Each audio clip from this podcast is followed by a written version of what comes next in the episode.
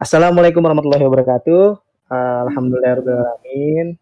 Balik lagi nih bersama saya Puik Muhammad Yaser di podcast PTIK.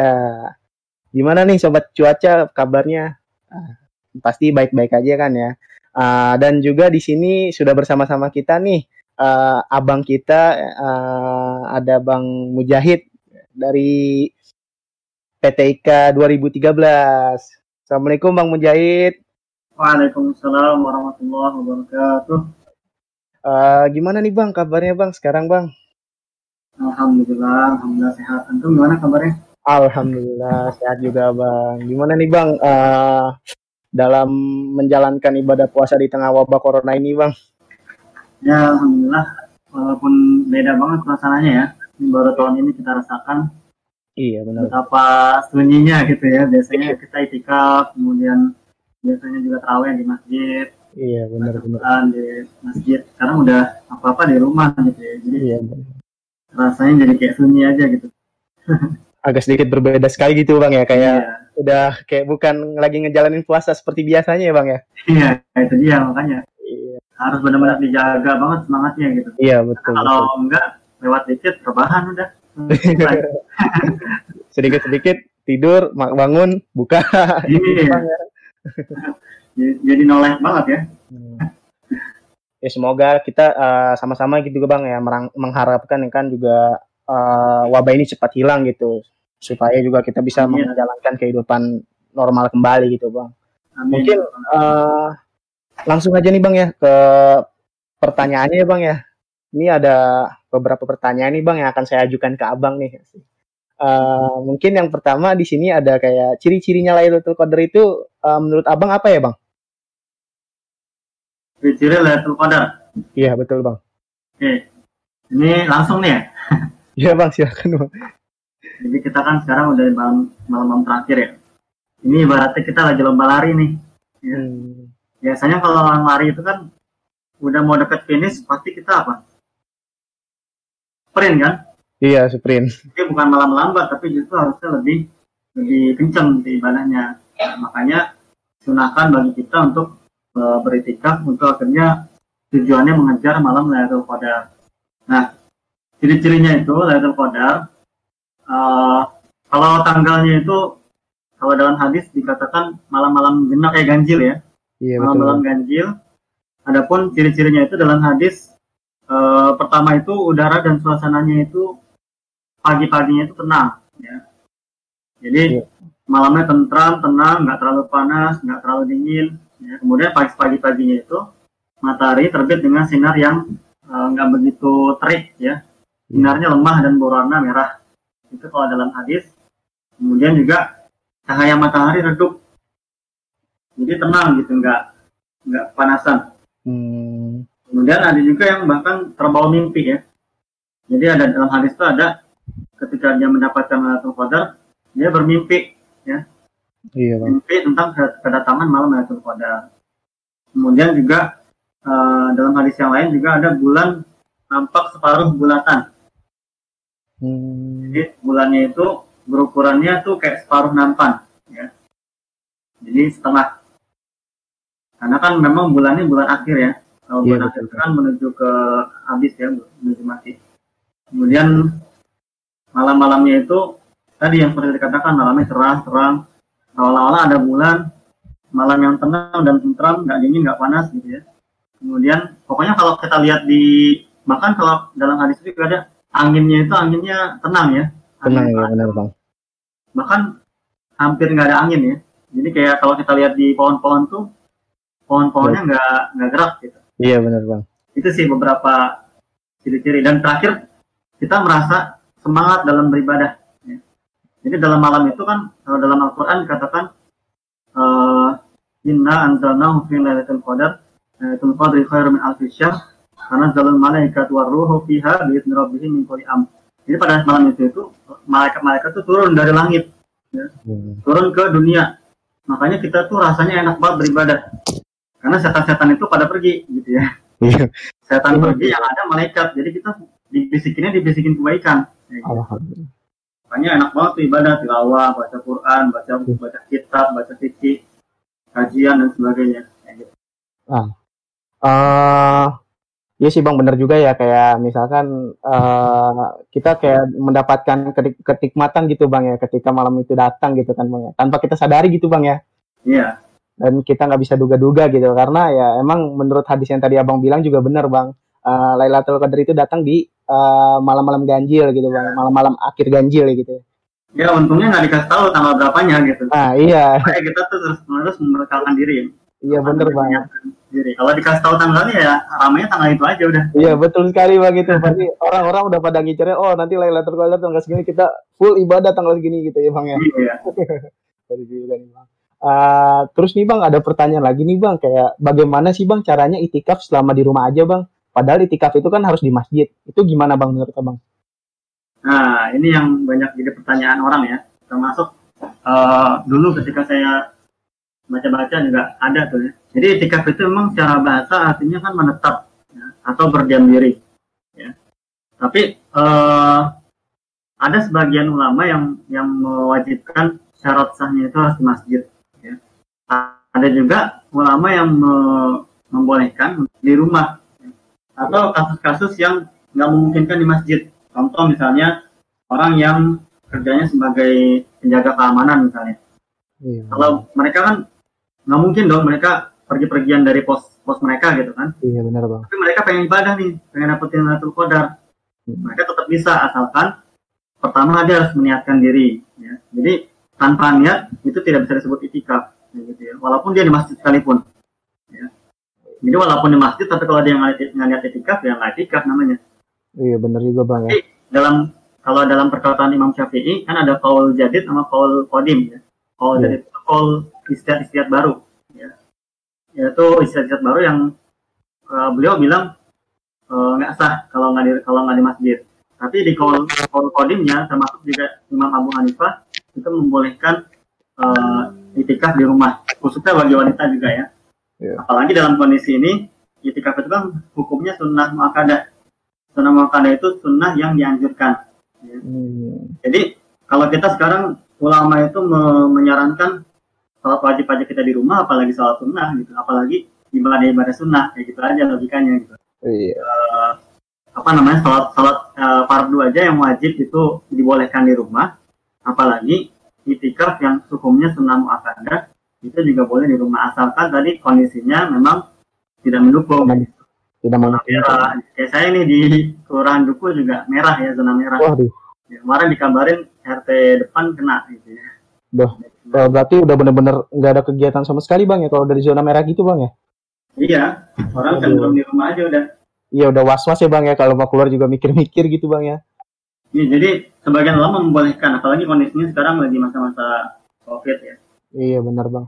Ya pada dasarnya sih uh, balik lagi bang ya ke niat kita gitu walaupun uh, di mana itu tempatnya nggak ya istilahnya kalau memang sudah niat ya. Hmm. Uh, niat, niat dan dibuktikan juga dengan uh, amalan-amalan dilakukan gitu. Tilawahnya dibanyakin, Qurannya, kemudian zikirnya, istighfarnya, kemudian membaca kitabnya itu dibanyakin di hari itu. Sehingga dia benar-benar itikaf. Iya benar bang. Sama ini, walaupun dia di rumah, disarankan untuk membuat tempat khusus buat beritikaf. Misalnya di rumah itu kan ada kamar tidur, ada ruang tamu, ada ruangan yang lain. Nah itu dikhususkan. Yang mana yang kita pilih itu jadi ruang itikaf. Gitu. Oh iya benar itu. Kayak saya nih di rumah kan ada kamar tidur, ada kamar kerja kan, ruang kerja. Saya di iya. ruang kerja nih, gitu ya. Jadi saya etikafnya di ruang kerja, niat etikafnya juga di ruang kerja. Gitu. Oh. Sehingga ada pengkondisian di rumah bahwa dia sedang etikaf kayak gitu. Ya, benar-benar. Uh, mungkin nih uh, lanjut lagi bang ya, ini ada pertanyaan yang uh, apa ya bang ya, yang mengarah pada, ini mungkin perempuan yang nanya nih bang nih. Hmm. Uh, ini ada ada gak bang tips cara mendapatkan Lailatul Qadar kalaupun lagi haid? Itu gimana tuh bang? Haid ya? Iya. Lailatul Qadar itu kan adanya di sebelum terakhir. Tapi itu memang tidak terkait dengan itikaf ya. Walaupun itikaf itu juga ibadah akhir-akhir malam ya. Iya, Tapi benar. bukan berarti mendapatkan Lailatul Qadar itu harus itikaf. Bukan berarti seperti itu. Ya. Artinya wanita haid sekalipun, walaupun haid tetap bisa mendapatkan Lailatul Qadar. Oh. Caranya gimana? Caranya adalah yang pertama memperbanyak zikir. Kan kalau haid itu kan nggak boleh memegang itu ya Al-Quran ya. Iya benar bang. nggak boleh megang Al-Quran karena najis. Tapi boleh membaca Al-Quran dengan tidak menyentuh Quran. Nah, gimana caranya tuh? Nah, bisa bisa pakai HP ya atau bisa dengan hafalan. Jadi kalau misalnya punya hafalan juz 30 atau Al-Quran bisa ah diulang-ulang. Hmm. Kemudian dia bisa memperbanyak uh, istighfar, zikir, membaca uh, kitab-kitab fikih, ilmu agama atau nonton YouTube sekalipun kalau isinya isinya adalah uh, ilmu agama boleh juga ya. Nah, iya benar. Jadi yang nggak dibolehkan itu ya cuma memegang aturan aja. Ya. Dan dan di masjid itu enggak ya jelas ya. Iya jelas ya. benar. Tuh uh, untuk sobat cuaca tuh uh, untuk khususnya untuk sobat cuaca yang wanita tuh. Jadi uh, walaupun kita lagi keadaan haid, uh, gimana nih bisa dapat Lailatul Qadar dengan tadi yang udah Bang Mujahid bilang uh, kita bisa baca-baca Al-Quran tanpa menyentuhnya. Bagaimana caranya ya tadi menggunakan media HP bang ya. ya. Oke. Okay. Uh, lanjut nih bang nih. Uh, ini ada yang minta tips dan trik nih untuk ningkatin semangat ibadah di 10 malam terakhir. Menurut abang gimana nih bang nih tips dan triknya nih? Kalau mau semangat ibadah sebenarnya harus dibarengi juga dengan fisik ya, jasmani. Kita mau ngisi malam-malam itu Qadar kan, Yeah. kalau misalnya mau ngisi malam berarti jangan sampai kita ngantuk gitu. Ya. Caranya gimana? Caranya ya misalnya pertama niatnya harus kuat ya. Karena kalau niatnya nggak kuat pasti gampang tergoda kan. Iya benar bang. Dikit-dikit ngantuk. Nah, itu ngantuk itu dari niat juga ya. Yang kedua adalah cari sesuatu yang bikin dengan ngantuk.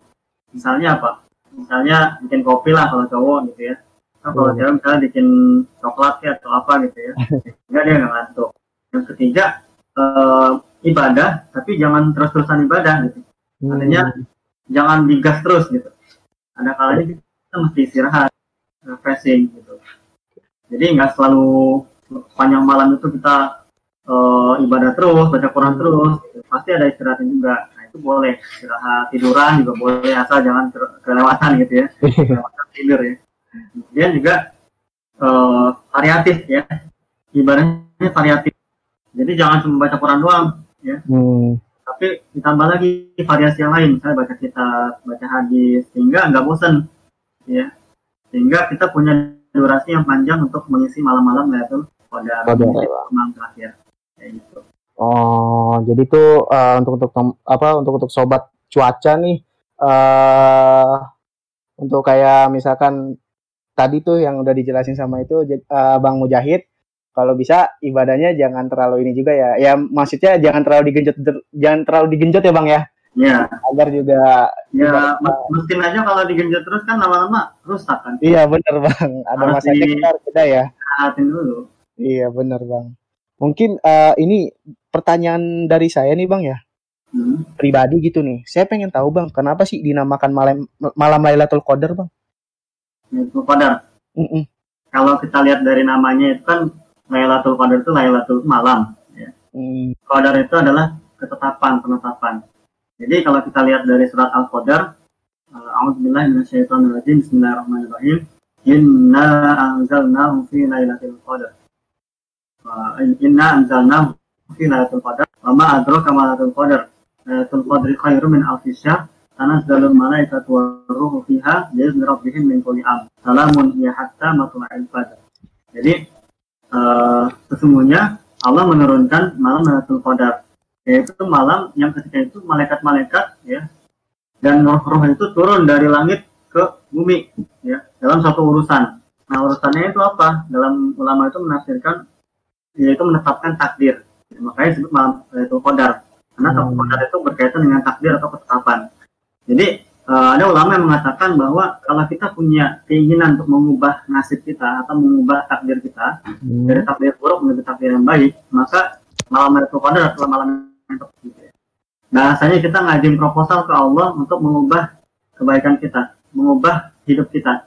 Ya, misalnya kita saat ini masih sulit ekonominya gitu ya, maka di malam itu Qadar itu kita banyakin doa untuk akhirnya uh, dilapangkan rezekinya ditambah juga yang ikhtiar kita membuat rencana rencana strategi hidup dalam hal ekonomi kemudian diajukan ke Allah maka dengan izin Allah gitu ya Allah akan mengabulkan dan mengubah nasib kita nah itu uh, maka disebut sebagai malam Lailatul Qadar Ya. Hmm. Kan ada hadis, ada ada ada takbir yang bisa diubah dan ada takbir yang nggak bisa diubah, gitu ya.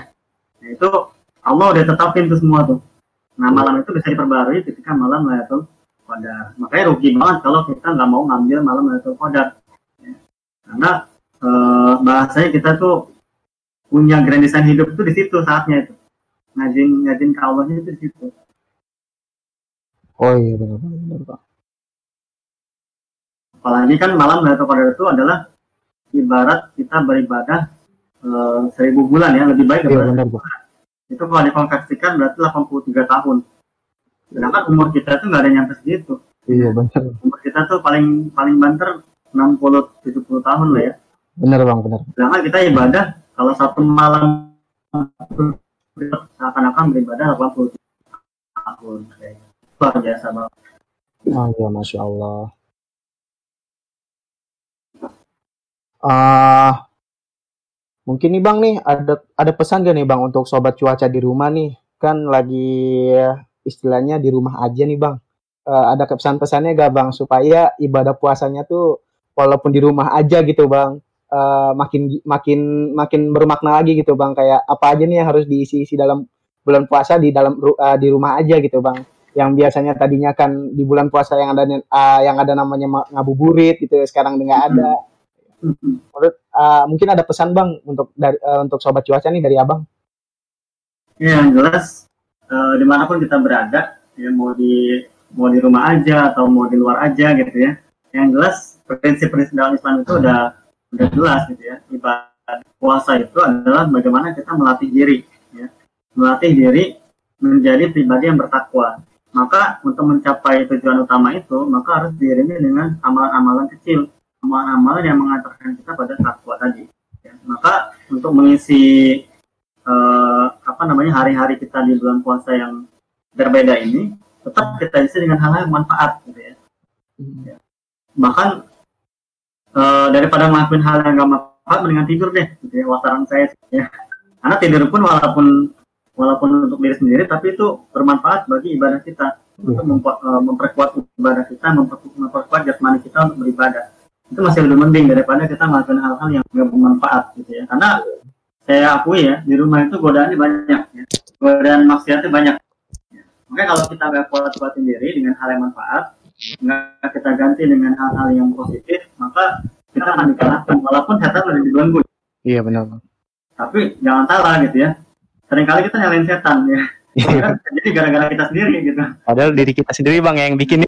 Iya, katanya marah sama kita, kita modain lo gitu ya. Padahal dia sendiri yang yang berpikiran negatif kayak gitu. Iya benar benar. Saran saya sih, walaupun di rumah aja tetap isi dengan hal yang positif, kemudian uh, banyak-banyak ibadah, banyak-banyak zikir. Ya, jangan lupa pagi petang uh, baca zikir ya, sehingga kita dijaga dari uh, segala macam mara bahaya dan juga godaan. Amin. Amin ya rabbal alamin. Uh, Alhamdulillah nih Bang nih. Uh, mungkin uh, terima kasih banyak nih Bang atas jawaban-jawaban yang sangat memuaskan ini gitu Bang. Semoga uh, apa uh, terjawab semua ya Bang ya. Dan terima kasih banyak nih Bang udah meluangkan waktunya gitu Bang untuk memberi uh, apa menjawab dari pertanyaan-pertanyaan tadi gitu Bang di episode kali ini Bang. Semoga uh, makin berkah bang uh, dan semoga kita semua juga dilindungi Allah Subhanahu Wa Taala. Amin. Ya Mungkin uh, saya akhirin saja kali bang ya. Oke okay, oke. Okay. Baik. Uh, terima kasih nih buat Bang Mujahid atas uh, jangannya nih atas jawaban-jawabannya yang tadi penuh makna banget gitu. Berisi sekali lah istilahnya. Um, ya, terima kasih juga ya kesempatan buat share Iya bang, sama-sama bang, alhamdulillah. Uh, kurang lebihnya mohon maaf bang, apabila banyak salah kata, ya mohon dimaafkan. Uh, wabillahi taufiq wa hidayah. Wassalamualaikum warahmatullahi wabarakatuh.